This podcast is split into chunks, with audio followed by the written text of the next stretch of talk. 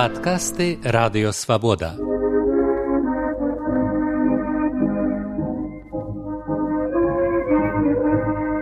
Падарожжа ў БНР з Сергеем Шупам.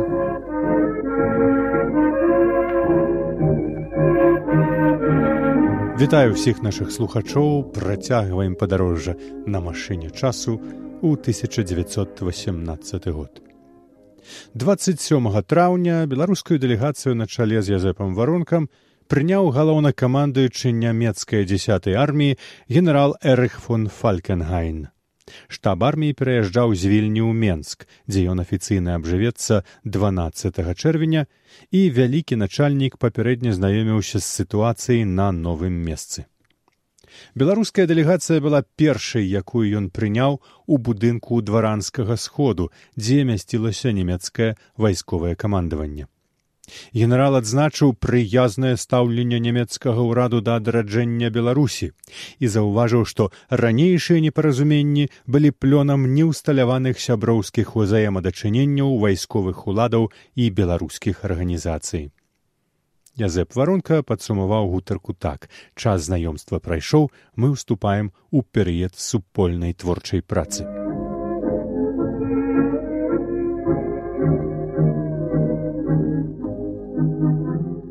паручнік расійскай арміі кастусі завітаў у першым складзе народнага сакратарыяту меў пасаду ўпаўнаважанага ў вайсковых справах і стаў беларускім вайсковым камендантам менску дзеля адпаведнасці пасадзе езавітаў у беларускім кантэксце быў павышаны рангам да палкоўніка. Праз пару дзён пасля прыходу немцаў ён атрымаў загад распусціць падначалены яму беларускі полк які палком лічыўся толькі намінальна бо налічваў некалькі дзясяткаў чалавек. І пасля гэтага езавітаў склаў сябе ўсе абавязкі і звольніўся з займаных пасадаў. У хроніцы для газетаў за 27 красавіка паведамлялася што палкоўнікі завітаў атрымаў месячны адпачынак і выехаў на поўдзень для выпраўлення здароўя. Аднак праз нейкі час да менску даходзяць чуткі што езавітаў расстраляны бальшавікамі ў віцебску куды ён быў выехаў мабыць у сямейных справах. Чуткі не пацвердзіліся і ў сярэдзіне чэрвеня паручык палкоўнік з'явіўся ў менску выглядае што да тэмы езавітаў у віцебску мае дачынення загадкавае паведамленне ў адной неназванай газеце у віцебск прыбыў вайсковы міністр беларусі і прапанаваў саўдэпу здаць горад беларусам. Саўдэп адмовіў міністру ў ягонай просьбе. Падкасты радыёвабода падарожжа ў бнр з сергеем шупам Тым часам беларуская дыпламатычная дэлегацыя ў кіеве якая не трапіла на украінска-расійскія перамовы рабіла ў справе прызнання бнр што магла. Чарговай спробай быў зварот да аўстравугоршчыны праз яе прадстаўніка ў кіеве.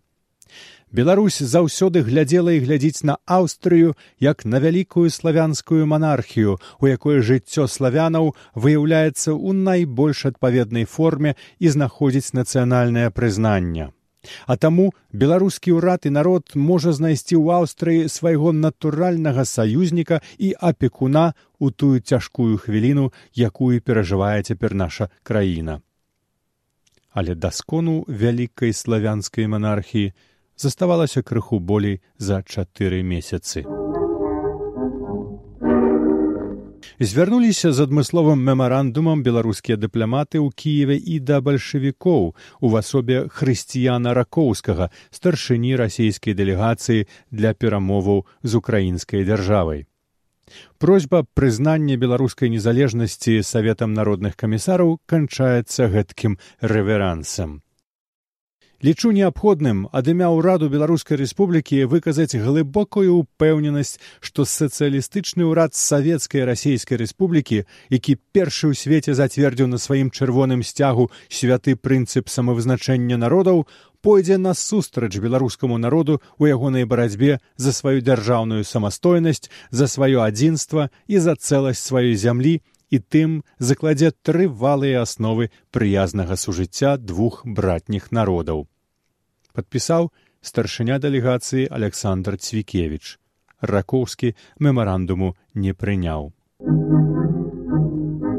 Ва ўваходнай дакументацыі народнага сакратарыяту ў чэрвені істотна павялічылася колькасць дасыланых з беларускай правінцыі скаргаў на нямецкія акупацыйныя ўлады. Прыкладам борух левін з мястэчка ілля вялейскага павету паскардзіўся народнаму сакратарыяту бнр на тое, што нямецкія жаўнеры забралі ў яго 1800 яек, закупленых для жыхароў мястэчка на юдэйскае свята пяцідзясятніцы, на якое традыцыйна пякуцца розныя бліны і пірагі. Беларускі ўрад такім чынам паступова пачаў успрымацца як заступнік інтарэсаў жыхарства акупаваных беларускіх тэрыторыяў. На сустрэчы з начальнікам штабу 10 арміі фон штабфам 21 чэрвеня Язэп варонка дамовіўся аб прызначэнні па ўсёй беларусі адмысловых дараднікаў пры нямецкіх павятовых камендантах для ўрэгулявання дачыненняў народу з нямецкім войскам.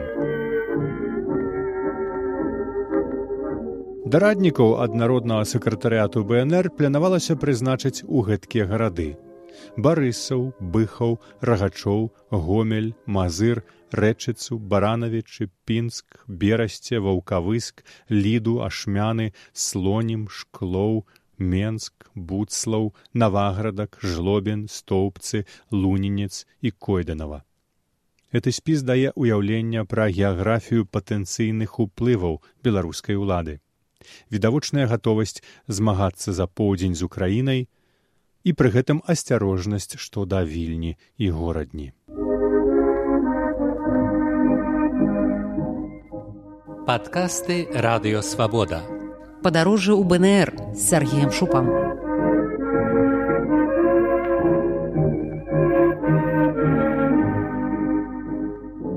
Як бачылася бнр з москвы на мітынгу беларусаў Масквы і ваколіцаў скліканым беларускай секцыі пры ЦК левых эсераў. Образуемая немецкими империалистами совместно с белорусской буржуазией, так называемая Незалежная Белорусская Республика является ничем иным, как средством к экономическому и политическому закабалению белорусских крестьян и рабочих, которые принесли неисчислимые жертвы ради завоеваний социальной революции и которые подвергаются теперь всем ужасам того оккупационного режима, перед которым бледнеют ужасы варварства турецких башибузуков. Самозванная предательская рада, не имеющая ничего общего с белорусским трудовым народом, не имеет права выступать от имени последнего, не имеет права торговать его кровью, его будущим в Берлине и Киеве, не имеет права предавать его навсегда в лапы германского империализма и ввергать его в порабощение местной буржуазии, так как воля белорусского трудового народа направлена к тесному единению и братскому союзу со всеми великорусскими рабочими и крестьянами, со всей советской Россией, высоко держащей знамя борьбы за право и вольности трудящихся всех стран, всех наций и так далее – и тому подобное.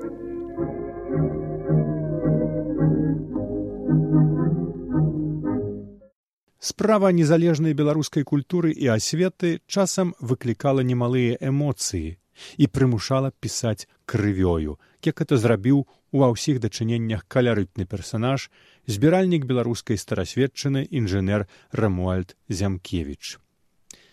Маю гонар давясці да вашага ведама, што я катэгарычна пратэстую проціў самадзяржаўных і самазванных паступкаў і кіраванняў так называемага сакратара беларускай народнай прасветы а смоліча беларускага міністра прасветы.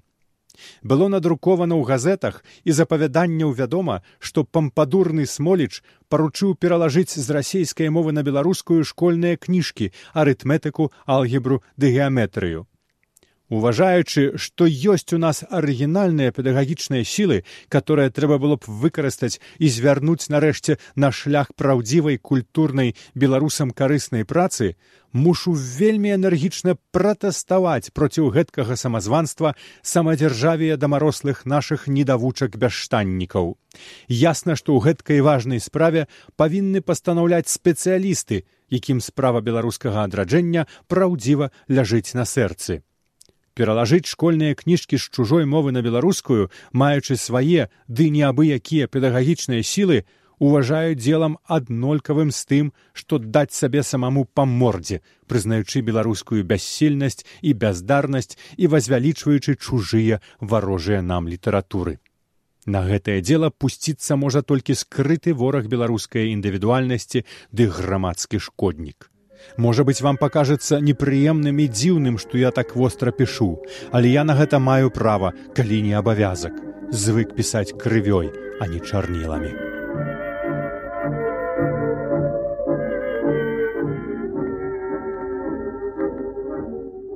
Вы слухалі падкаст радыёвабода. Наступны выпуск праз тыдзень. Усе падкасты свабоды ў інтэрнэце на адрасе свабода кропка орг. Штодня у любы час у любым месцы, калі зручна вам. Свабода кропка орг.